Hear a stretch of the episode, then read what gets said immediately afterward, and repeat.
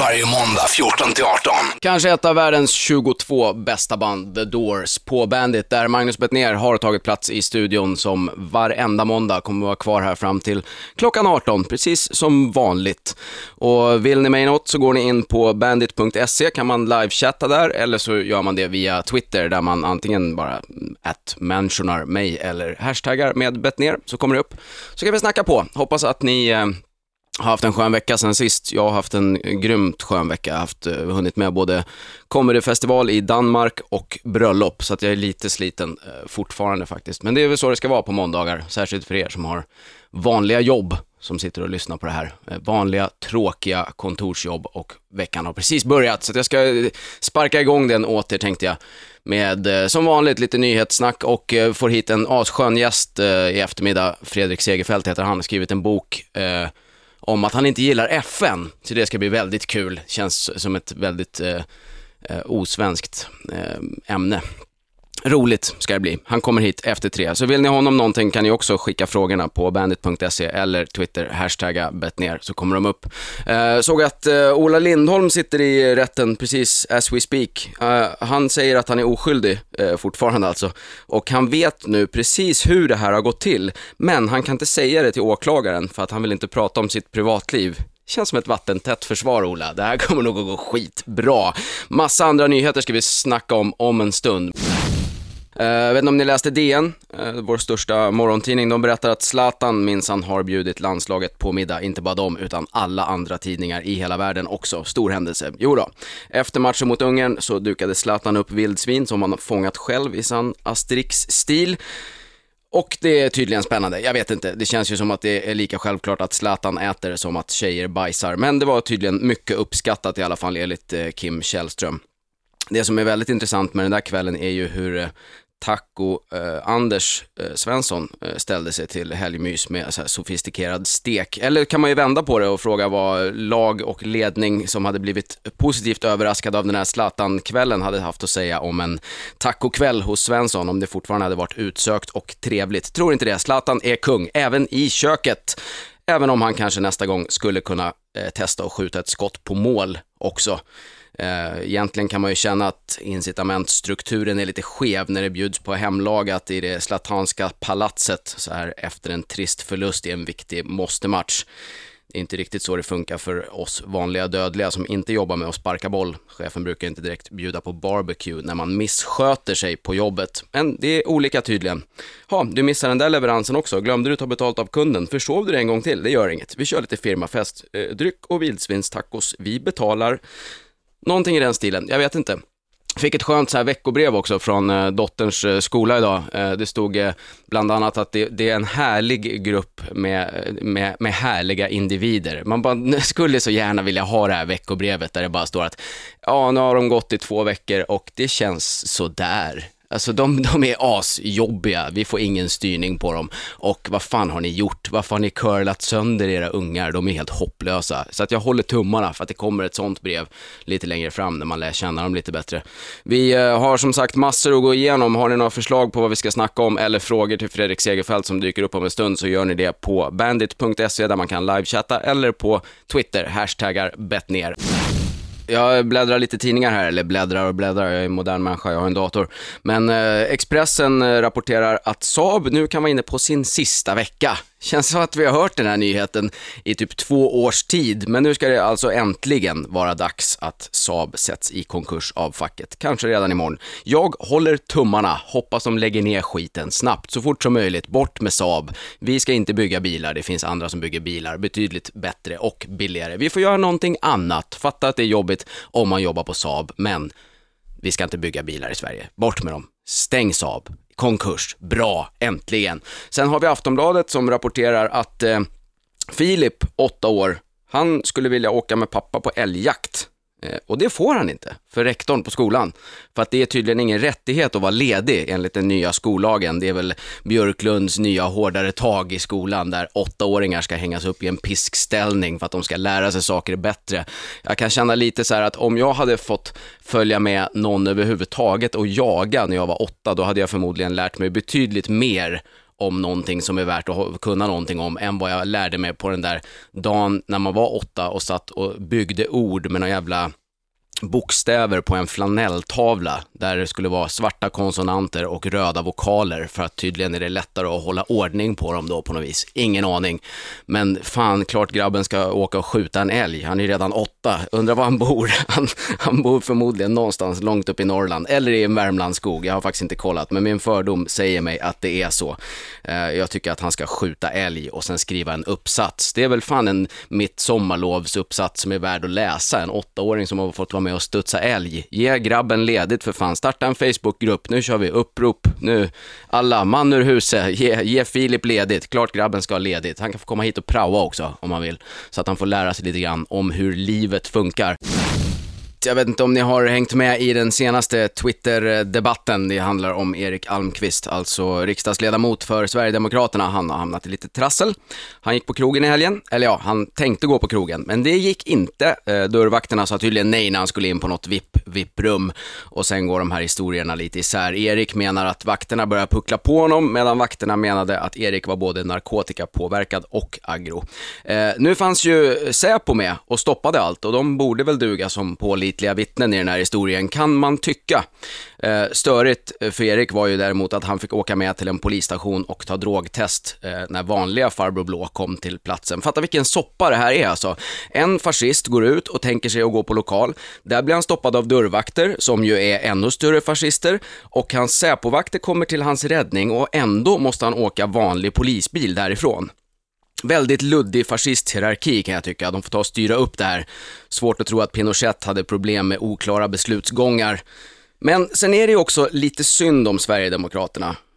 Ja, synd faktiskt. De får ta så jävla mycket skit och våld och hot. Alltså yxor i dörrar, hotbrev. Alltså, nu senast var det ju någon, eh, säkert någon sån här AFA-mupp som eh, hällde ner brinnande vätska i brevlådan hos en eh, sverigedemokrat. Alltså SD är ett vidrigt litet parti, men det kan inte vara okej att använda våld mot de som tycker annorlunda. Så hur jävla svårt ska det vara? Protestera, argumentera, debattera. Använd yttrande och föreningsfriheten, men ge fan i att puckla på folk. Fatta hur ohållbart samhället skulle bli om det var okej att använda våld mot oliktänkande. Och fatta hur lite jag skulle hinna få gjort om det var okej. Jag skulle få gå från hus till hus och hälla bensin i brevnedkast hos nästan varenda jävla kotte. Och med det har vi en klassisk radioövergång för att bero på bensin kommer här en låt med Metallica. Magnus Bettner i Bandit-studion säger välkommen till Fredrik Segerfeldt. Tack så mycket. Hur är läget? Eh, bra. Vad bra. Jo, det är bara bra. Tackar härligt. som frågar. Du, är, du är ju aktuell alltid med massa grejer, men just nu är du ju mest aktuell för att du har skrivit en bok om att du hatar FN. Mm. Arbetsnamnet är Jag hatar FN. Är det- Men den heter eh, FN spruckna drömmar. Jag tror att det blir mer eh, resonligt. Ja, men berätta, för som svensk är man ju liksom uppfostrad med att FN är det finaste, godaste, bästa, härligaste, skönaste projekt som mänskligheten någonsin har kommit på. Man firade FN-dagen i plugget och sådana här grejer. Kalkerade FN-flaggan och satte Ja. på händerna och sjöng Kumbaya my lord och Precis. drömde om fred i världen. Ja, Ja, det var det jag hade som utgångspunkt eh, eh, i boken och det är det jag liksom utgår ifrån för jag retade ihjäl mig på den uppfattningen. Eh, det är inte sann, den är falsk. Eh, FN har aldrig fungerat och skapar mer eh, eh, olycka än lycka här i världen. Men det är ju många som skulle säga emot dig där antar jag. Ja, men Alltså- man har inte tänkt efter. Om man tänker på alla härliga svenska FN-soldater i blå keps som åker runt och skapar fred på jorden. Ja, Gör, gör de fel tycker du alltså? Nej det är inte det jag ger mig på, utan jag ger mig på liksom det här eh, institutionen, organisationen, politiken, hur, det, hur, det, hur idéer utformas, vilka som är där och sådär. Sen har det varit ett problem med en massa FN-styrkor. Det finns inte en enda FN-styrka som inte har eh, eh, begått sexhandel, våldtagit, sålt mat för sex eller utnyttjat fattiga människor på olika sätt. Det rapporteras i varenda konflikthärd om övergrepp som, som FN-soldater begår. Eh, det läser vi aldrig i svensk media, men läser man internationell media så ser man Jo, det har väl hänt Ja, ändå. I och för sig, jag gånger, vill minnas att det, i alla fall det här med sexköp var en ganska stor grej. Ja, eh, men sexköp är, är väl inte, är väl inte det farliga. Nej, men att det- de så här lite tog en flickvän och hade dem under uppdraget och betalade dem lite grann och sen drog de därifrån. Liksom. Ja, men det är mycket värre om man, om man liksom ger, eh, ger eh, konserver mot att man får liksom våldta en 12-årig flicka. Ja, det håller jag med om. det är betydligt värre. Men di- din stora kritik är alltså mot själva Ja. eh, eh, konstruktionen av FN egentligen. Prec- Så precis. att du har inte, eh, hur skulle det se ut liksom, i en utopisk värld? Skulle du vilja ha något form av FN som, Ja, jag skulle vilja egentligen att de länder som är demokratier samarbetar kring frågor. Därför att då har du ledare som representerar sina människor, sina, sina befolkningar. Och Nu är det ju bara hälften av dem som sitter där i, FN är ju inte alls eh, valda eller representerar sin befolkning. De representerar ingenting annat än sin förmåga att eh, åsamka människor, andra människor skada, utöva våld. nej. Ja, du skrev, skrev om det i boken också, att när FN bildades eh, som eh, Nationernas förbund, då var det ju eh, till största delen i alla fall eh, demokratier eh, Ja. som var liksom byggstenarna för den här organisationen. Precis. Och sen gick diktaturerna om ja. för några år sedan. Ja, det var ju bara de- 70-talet. Ja. Alltså 46 procent av, av medlemsländerna i FN är politiskt fria, det vill säga att de har medborgerliga rättigheter och politisk frihet. Majoriteten är det inte. Jag brukar jämställa det som att, det, som att Sveriges riksdag skulle bestå till hälften av Hells Angels-klubbarnas representanter. Ja, men snart är vi ju där. Nu har vi Sverigedemokraterna i riksdagen, så så snart. Vi är på, vi är på god väg. Ja, de är i och för sig folkvalda och eh, Ja. så, men eh, det är ju inga som jag tycker är några mysiga killar precis. Nej, och sen blir det ju ännu mer absurt kan man ju tycka när de här diktaturerna som är, eh, gör all, absolut flest övertramp eh, mot mänskliga rättigheter sitter i så här FNs eh, råd för mänskliga rättigheter och sånt. Det är det som har fått en del uppmärksamhet i Sverige. Det det Libyen var ordförande 2003. Ja, den här- Fast då var ju Libyen goda fortfarande, får vi tänka på. Eh, Då, ja, då, ja, lite, lite, ja, jag vet inte. Men alltså, så är det väl. Men jag menar, Kina som åker in och kör liksom tanks mot befolkningar, skjuter kulsprutor, salvor rakt in i folksamlingar. Och vi har sett hela arabvärlden nu hur, hur folk där inte alls tycker att de ledarna som representerar dem var legitima representanter för dem. Alltså. Nej, Och, det, och Kuba är med och skäller ut Sverige i rådet för mänskliga rättigheter och så vidare. Liksom, det, ja men Kuba har ju världens bästa sjukvård. De tar ju verkligen hand om sina invånare. ja, de har också eh, koncentrationsläger för bögar. Ja. Och jag har varit på Kuba, så att jag, jag, jag, jag bara skämtar. Jag tror att jag är på din sida när det gäller Kuba i alla fall. Eh, vi kommer precis. säkert komma in på grejer där jag inte är på din sida, för då blir det som roligast. Vi ska ju höra det om en stund, vi ska prata mer FN också med Fredrik Segerfeldt. Vill ni fråga Fre- Fredrik någonting så gör ni alltså det på bandit.se eller via Twitter där ni hashtaggar bettner. Fått in massor med frågor. Eh, vi kan börja med en, om du är sugen på att svara på en fråga. Ja, visst, kör. Ja, eh, det är Martin Vladimir som frågar. Eh, Det är många länder som inte betalar sin medlemsavgift till FN. Vad kommer hända om detta fortsätter? Ja, det var ju ett tag sedan USA var ju förbannade för att det fungerade så sunkigt. Och så sa de att vi håller inne pengar tills ni gör reformer. Ja, Eh, visst, det kommer ju undergräva förmågan att, eh, att bedriva verksamheten. Men jag menar, eh, det är väl rätt bra att sätta tryck på det, för det är ju en eh, dysfunktionell, korrupt eh, administration som är helt, där hälften av de här människorna sitter och gör ingenting vettigt. Nej, du skriver om det i boken också, att man har sån otrolig byråkrati, som man Ja. liksom startar någon kommitté för någonting och sen är den Ja. kvar även om det som den skulle ha administrerat inte finns längre. Eller för de som jobbar där har ju starka intressen av att, av att ha kvar sitt jobb. Ja, Och det är ganska många sunkländer också som använder eh, FN-jobb för att belöna sina kusiner eller, eller kontakter eller folk som de behöver liksom vara snälla mot i sina hemländer. ja, Tänk om du är liksom från ett af- afrikanskt land och man tjänar 2000 om året och så kommer du till ett, ett jobb i FN och tjänar 200 000 om året. Att kunna ha den makten att dela ut de jobben till, till, Ja. eh, till människor är ju rätt så bra om man vill, liksom, vill, vill upprätthålla sitt nätverk av makt i hemlandet. ja. Men hur har FN det med pengar då? Är det alltså, för det känns som, för mig som ett litet problem i sammanhanget om någon inte betalar Så, medlemsavgift. så är det ju, det funkar ju. Det borde, är- borde ja, ja. funka ändå, Ja, ja, de har man en enorm budget. Men det, de vet faktiskt inte själva hur mycket, hur mycket pengar FN-systemet har. Det finns ingen sammanställning utan utomstående krafter har fått göra det. Så sunkigt är det. Men de har ett fint hus i alla fall. Ja, Eh, Men ett av de stora problemen som du lyfter fram i boken är ju det här att det byggdes som en organisation mellan eh, suveräna stater ja, eh, för att liksom förhindra, förhindra konflikter mellan eh, länder. Mm. Men nu eh, skriver du att kartan ser inte riktigt ut så att eh, länder krigar mellan varandra längre. Nej, det var ju länge sedan liksom, Tyskland förklarade Frankrike krig. Ja. Eh, vi vad vi ser är ju sönderfallande stater, eh, eh, inbördeskrig, eh, Somalia och annat.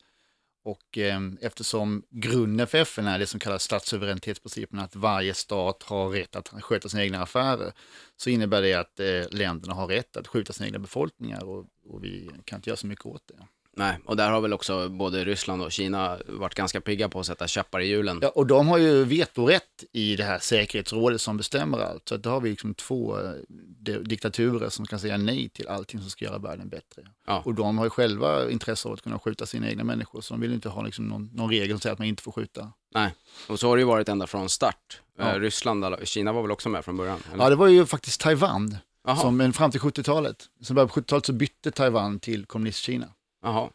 Men, eh, men Sovjetunionen var ju med där och eh, det är ju den, den stat och, och regim i världshistorien som har dödat flest av sina egna eh, medborgare. Eh, Och vi snackar tiotals miljoner som har dödats av de här. Och de var ju med där och byggde den här fina världen. Ja, och så skriver de på ett papper om mänskliga Ja, rättigheter ja, och sen sätter de konstnärer i fängelse. Pre, ja, konstnär eller äger du lite, äger du lite land så svälts du ihjäl av staten Ja. och sådär. Så att, eh, Eh, Vi har mera frågor. Eh, eh, Medvinsson frågar, hur tycker du man ska omstrukturera FN för att det ska bli en institution som främjar mänskliga rättigheter på riktigt?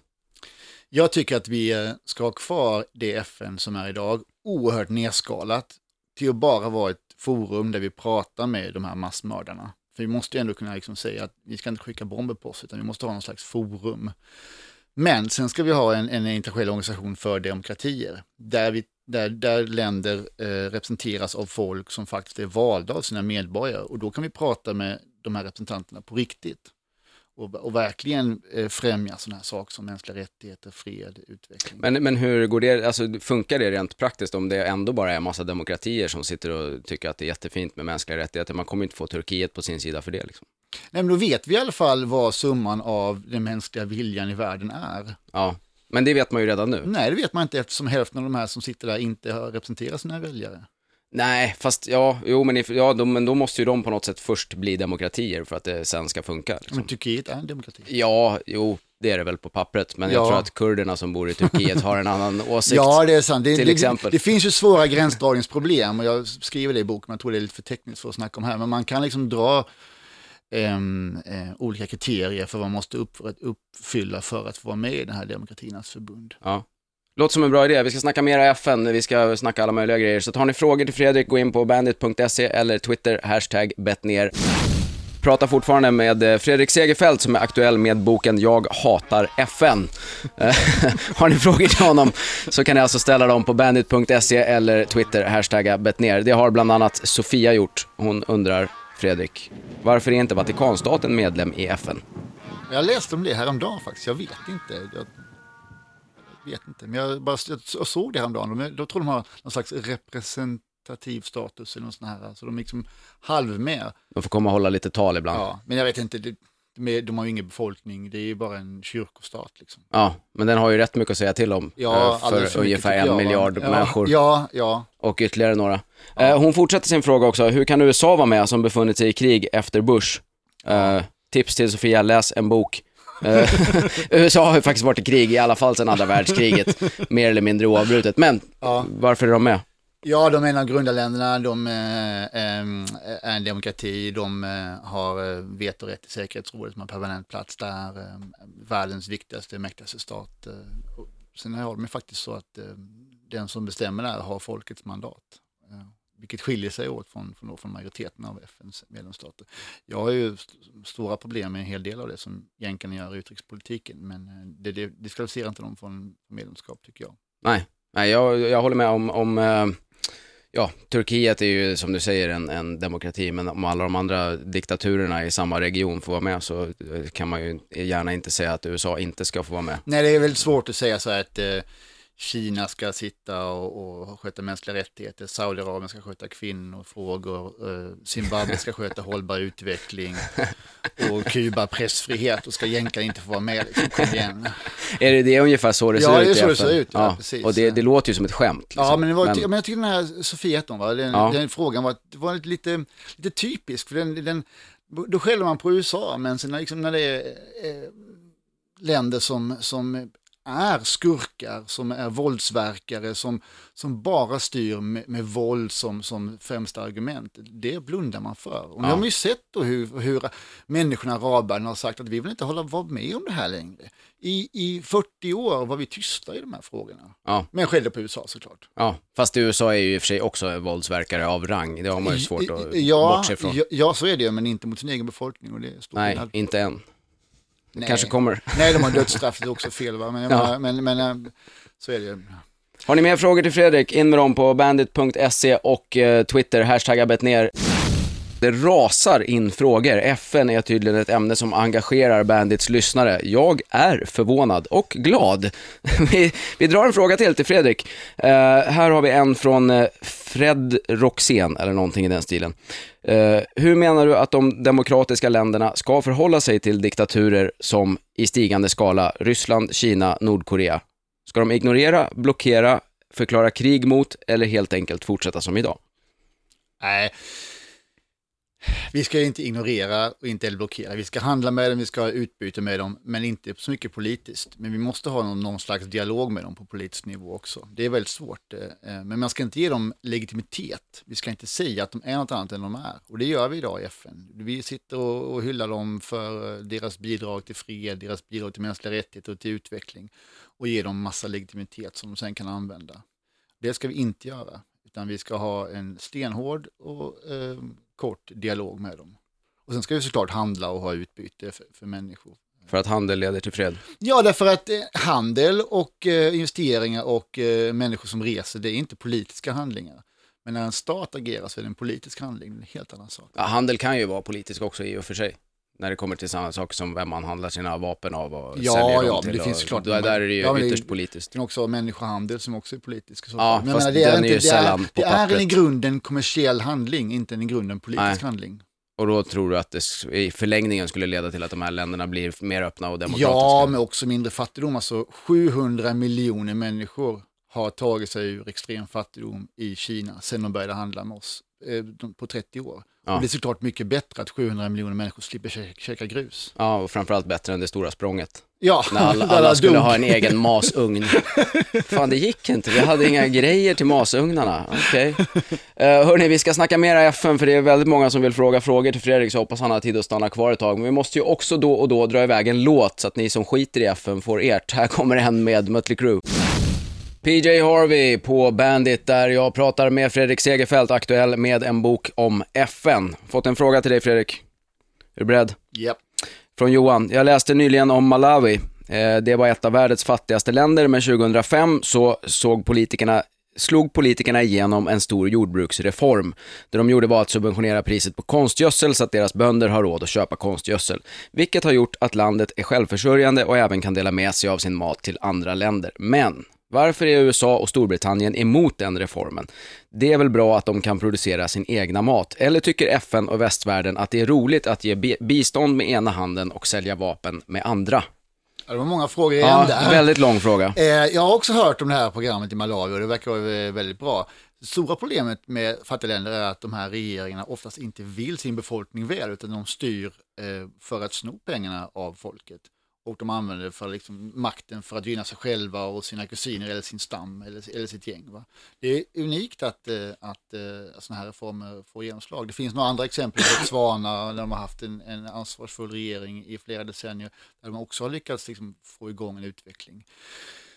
Om varför USA eller Storbritannien, om det är så att de skulle vara emot det här, har jag ingen aning om. Ehm, eh, och sen en annan underliggande faktor som är i frågan är FN och västvärlden.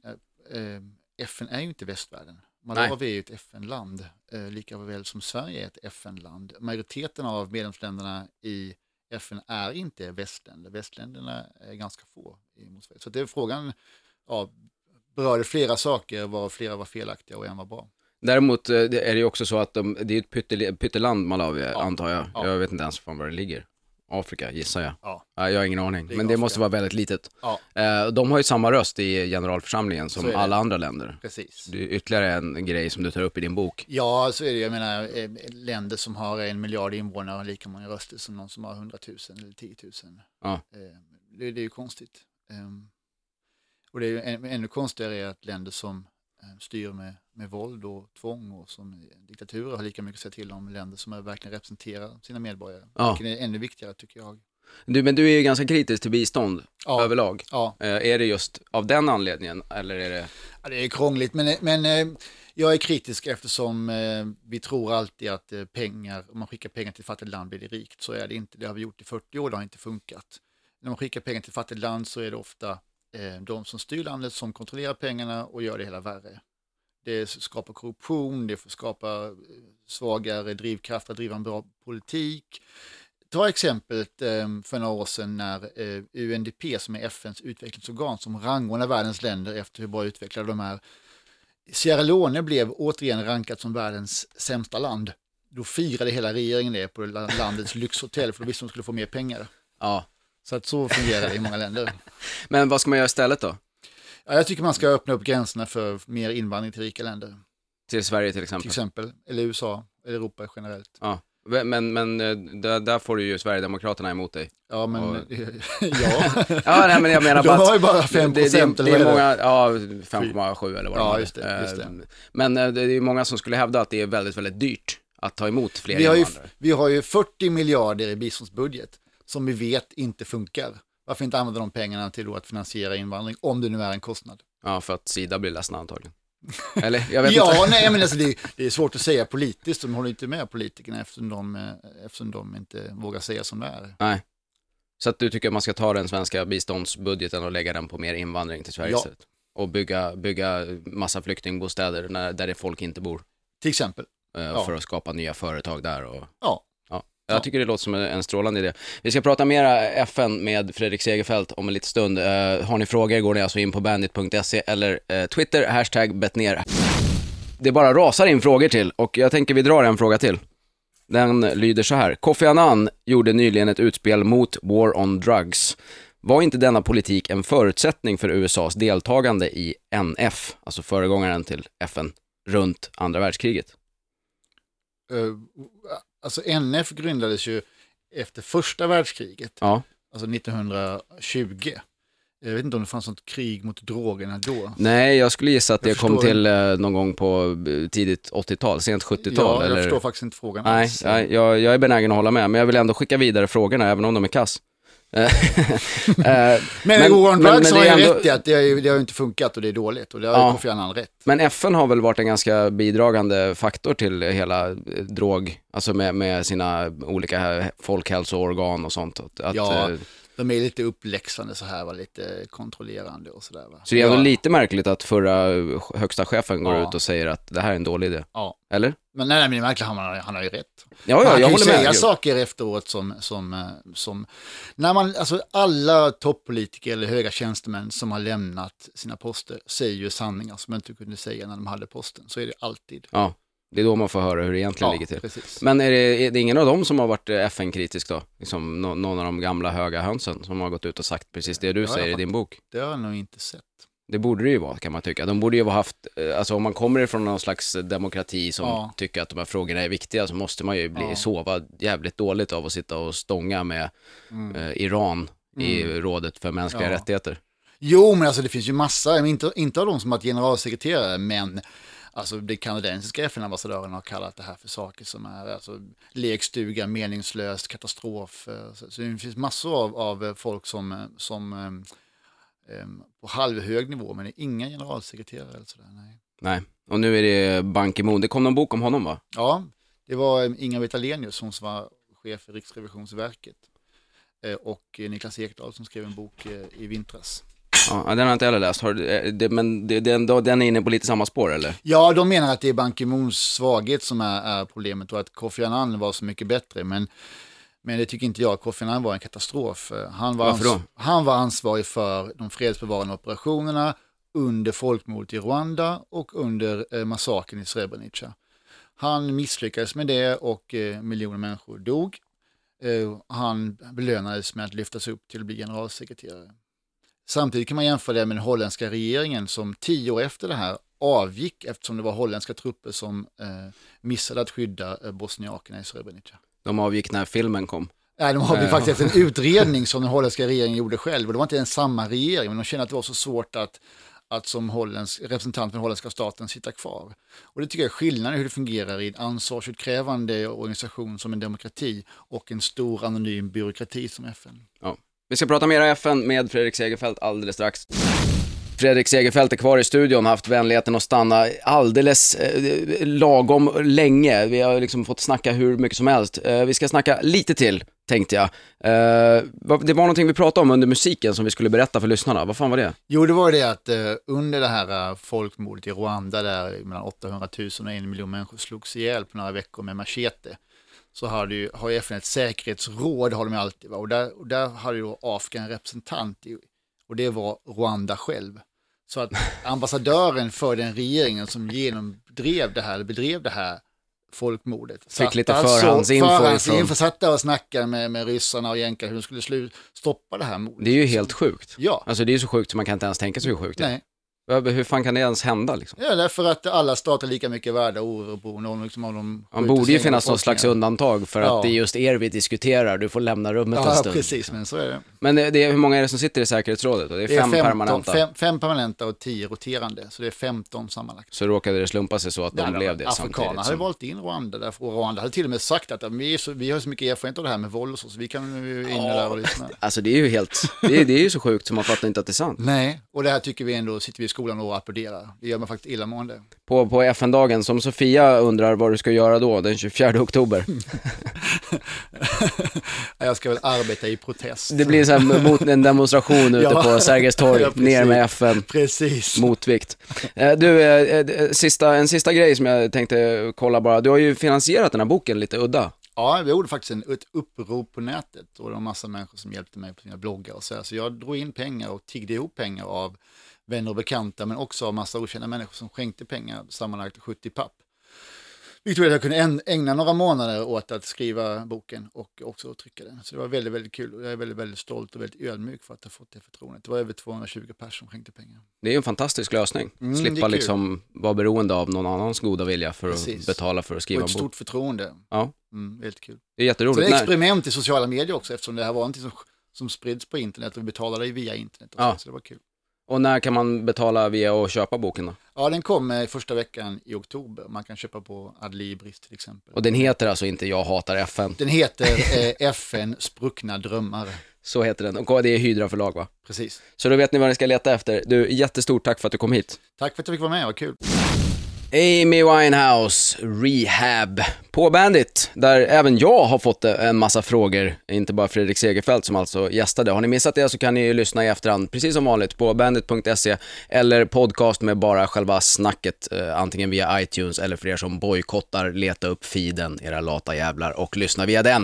Uh, Alex undrar om jag har någon ny DVD på gång. Nej, blir nog förmodligen aldrig mer någon DVD med mig skulle jag tro. Det är bara pengar i sjön. Uh, har varit kul att ge ut några stycken, men som sagt, tror inte det blir några. Oskar undrar hur länge kommer du köra Bandit i år? Och svaret är 21 november, tror jag. Johan undrar vad jag har för syn på just invandrarpolitiken i dagsläget. Johan, eh, googla. Eh, Jag har fan knappt pratat om något annat känns det som. Så att eh, det borde vara ganska glasklart. Eh, mer nyheter, glada nyheter för alla fotbollsfans. Eh, den här matchen mellan eh, MFF och eh, Djurgården som bröts efter ett inkastat knallskott, den ska spelas om. Alltså, för er som älskar allsvensk fotboll, ni kan bara förlänga säsongen hur länge ni vill om ni bara kastar in ett knallskott då och då. Det är ju strålande nyheter. Nyheter kommer också från eh, Italien, där Berlusconi har hamnat i nytt blåsväder. Om han nu någonsin har slutat vara i blåsväder, det kan man ju också diskutera. Eh, Italien är ett skitland som äcklar honom och som han helst vill lämna, har han sagt i ett privat telefonsamtal som olyckligtvis råkade spelas in. Eh, blir väl lite halvjobbigt att förklara bort den grejen. Ja, jag är landsfader, men jag hatar min familj. Eh, skulle vara intressant att veta just vad det är som äcklar honom. Italiensk tv är ju till exempel ganska vidrigt. Till och med barnprogrammen är som tutti frutti. Problemet är väl där att det är Berlusconi som äger typ all media. Kanske är det Italiens tveksamma linjer i utrikespolitiken som äcklar honom. Kramkalas med Gaddafi känns ju inte så hett nu när NATO har bombat bort honom. Problemet är ju att det är Berlusconi själv som har kramats med honom. Men ändå har han ju blivit omvald trots alla grodor och blåsväder. Det kanske är de italienska väljarna som äcklar honom och där tror jag ändå att han har en poäng. Uh, Amnesty släppte en rapport i veckan om uh, hur det står till i syriska fängelser och det verkar väl vara lite sådär. Över 80 personer har bekräftats döda, många av dem under 18 år och kropparna har tydligen då lämnats tillbaka rätt illa tilltygade, skärsår, trasade ögon, avskurna könsorgan, allt sånt där härligt som man ska ägna sig åt eh, när man sköter ett fängelse. Det borde man ju vara upprörd över kan man tycka. Kanske till och med skicka ett NATO-plan, men nej, vi orkar bara med en grej i taget. Nu är det mycket roligare att leta efter Gaddafi. Var kan han vara? Har man tur kan man få livebilder på när han flyr i sin lilla bil som en libysk O.J. Simpson, allt sänt i realtid på Fox News. Afrikas horn har ju ingen action alls, det är bara lite ungar som svälter i Afrika. Det gör de väl hela tiden, skitsamma. Dessutom har vi redan Aftonbladet samlat in flera hundra spänn och löst det där. Skit i dem nu, nu ska vi hitta Gaddafi, klä honom i vanliga kläder istället för klänning och ge honom en rättegång som är över på ett par minuter. Det gäller att prioritera. En galen man i klänning är viktigare än systematisk tortyr i Syrien, trots att man inte vet var han finns eller om han lever. Fast han eh, verkar ju ha haft lite speciella intressen, minst sagt, Gaddafi. Eh, det får man ju ge honom. Dels hittar de ju den här klippboken med bilder på Condoleezza Rice i hans gömmor som vi snackade om förra veckan, för er som brukar lyssna varje vecka. Det är rätt gulligt egentligen, att han har suttit där på sin liksom palatstomt i sitt Michael Jackson-tält och klippt ut bilder på sin drömkärlek, klippa och klistra, suttit och tokrunkat till de här bilderna. Framgick ju inte hur många sidor i klippboken som var ihopklistrade, men det lär väl vara ett gäng. Sen samlade han ju tydligen på lik också. Det är ju en ganska speciell samling, måste man ju säga. Eh, alltså folk som hans eh, mördare hade ihjäl 1980 åt honom, alltså för 31 år sedan, har lagrats i frysboxar i hans palats. Hur fan tänkte de där? Gaddafi, fan vad mycket folk det ligger på gatorna nu alltså, vad ska vi slänga dem någonstans? Nej, slänga, jag vet inte, kan ju vara bra att ha någon då. Han måste ju ha någon slags världsrekord i hoarding.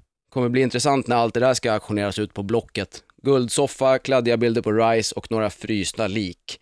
Allt för 1 900 000 av den lokala låtsasvalutan, vad den nu kan tänkas heta. Godsmack på Bandit och att bero på Gud så stormar det ju lite grann inom katolicismen i vanlig ordning. Tydligen eh, var det så här att eh, 1996 så var det ett gäng biskopar på Irland som tog fram en policy för att anmäla övergrepp inom kyrkan. Inte en dag eh, för tidigt kan man ju tycka. 1997 så skickar då Vatikanen ett brev där man uttrycker sin oro över det här. När det flera år senare skulle visa sig att ett stift på Irland som heter Cloyne, de rapporterar inte ens hälften av de övergrepp som, som har skett sedan den här policyn kom till då och 2005 så kom ett brev igen. Eh, det här brevet kom igen upp då och Vatikanen försvarar sig med att man tyckte att eh, eh de var lite oroliga över att en anmälningsplikt av misstänkta pedofilpräster skulle kunna störa kyrkans arbete i övrigt. Eh, och den här skandalen i stiftet eh, Cloyne har alltså tagit fart på nytt och den irländska regeringen har till och med eh, beställt en rapport, vilket regeringar ju brukar göra, om katolska kyrkans övergrepp och den blev färdig nu i somras. Och där uppmanar då eh, presidenten, eh, eh, Kenny som han heter på Irland, att han, han kritiserar Vatikanen för deras elitism, verklighetsfrånvända attityd och dysfunktionalitet. Då svarar Vatikanen som en tjurig tonåring som förmodligen blivit tagen i röven som ung korgosse, får man gissa, genom att ta hem sin ambassadör från Dublin. Det är så de jobbar.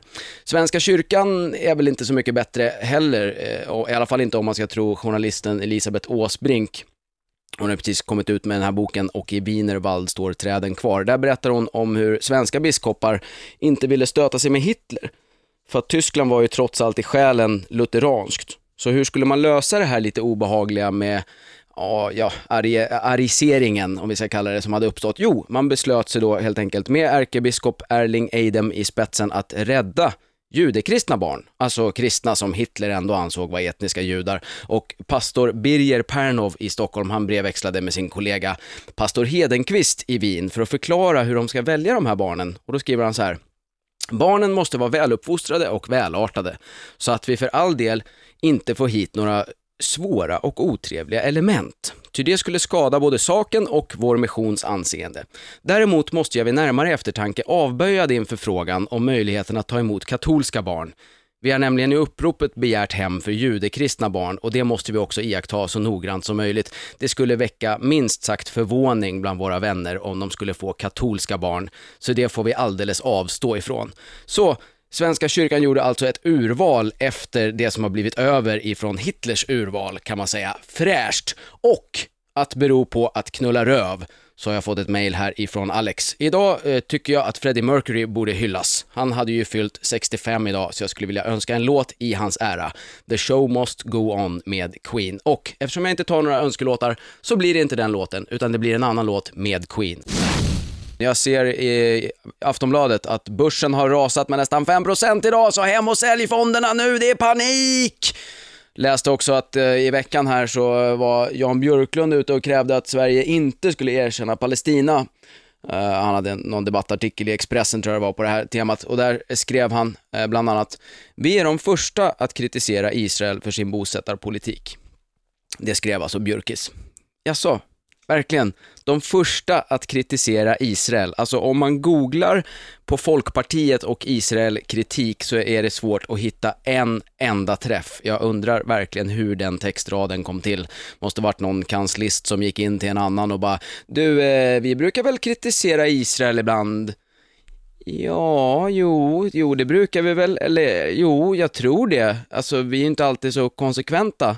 Ja, nu när du säger det så brukar vi ju faktiskt vara först och kritisera bosättarpolitiken, absolut. Och det har väl varit ända sedan Per Ahlmarks dagar, om inte jag missminner mig. Skriv det för fan, det kommer ingen att se igenom alls. Det kommer gå skitbra det här. Skitbra gick det inte heller i Mexiko.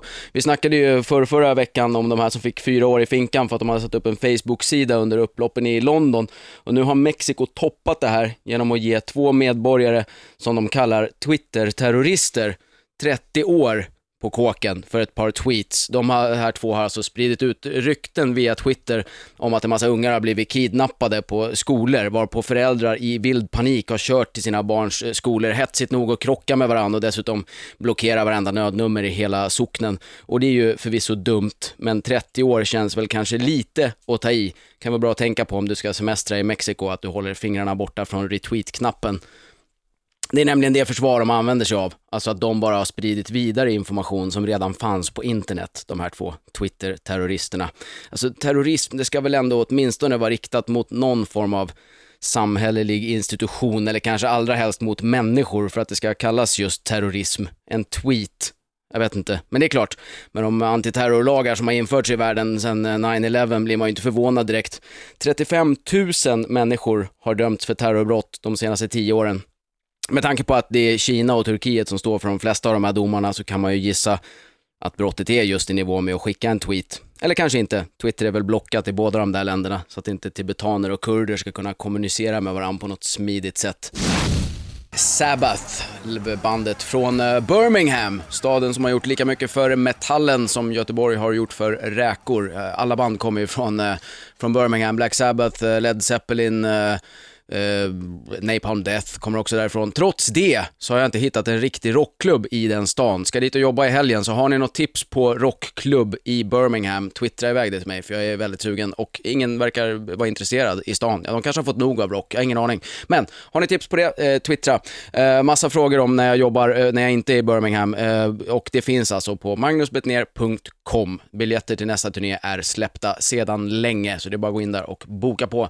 Redan eh, måste jag bara göra lite mer reklam eh, för mig själv, eh, men inte bara. För det är nämligen så att Malmös coolaste klubb som heter Oslipat har flyttat upp till Stockholm. Det är eh, sköna människor som drar lite i standup-genren så att den ska bredda sig åt alla möjliga håll. Och de flyttar in på Kolingsborg på onsdag, där även jag kommer vara på scen. Så att kom och titta. Och för er som inte bor i Stockholm, alltså magnusbetner.com. Där håller man ordning på mig. Och vill ni mig någonting så är det bara att twittra. Jag är där hela tiden. Kommer jättemycket frågor till Fredrik Segerfeldt fortfarande, som var här tidigare idag. Och han finns också på Twitter, precis som alla andra eh, moderna människor. Ner på Bandit. Live. Live varje måndag 14 till 18.